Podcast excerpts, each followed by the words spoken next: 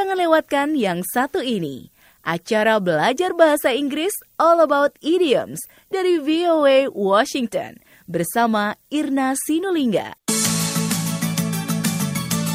Halo dan apa kabar semua sobat VOA? Di sini saya bersama Jonathan Evans. Welcome, friends, to All About Idioms. Acara ini khusus membahas idiom bahasa Inggris yang umum dalam tulisan dan percakapan orang Amerika sehari-hari. Idiom adalah sekumpulan kata yang punya arti tersendiri, jadi tidak bisa diterjemahkan secara harfiah. Oleh karena itu, jika seseorang memahami idiom yang jumlahnya ribuan, sering dinilai bahasa Inggrisnya setara dengan seorang native speaker. Salah satu idiom yang sering kita dengar atau baca adalah Jonathan. By and large, Irna, sekali lagi. By and large. Artinya pada umumnya atau biasanya.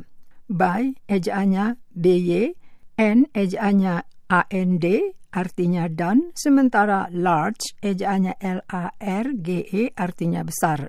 Sekarang kita simak contoh idiom by and large. There are a few things that I don't like about the area where I live, but by and large, it's fine. Artinya, ada beberapa hal yang tidak aku sukai tentang daerah tempat tinggalku, tapi pada umumnya cukup menyenangkan. Sinonim idiom by and large adalah For the most part. Sekali lagi.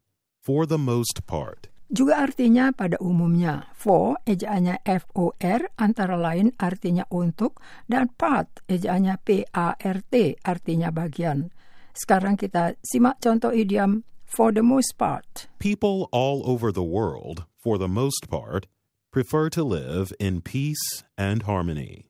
Artinya, orang di seluruh dunia pada umumnya lebih suka hidup dalam damai dan harmonis. Masih ada satu lagi idiom yang juga berarti pada umumnya, yaitu On the whole. Sekali lagi. On the whole. whole, ejaannya W-H-O-L-E, artinya keseluruhan.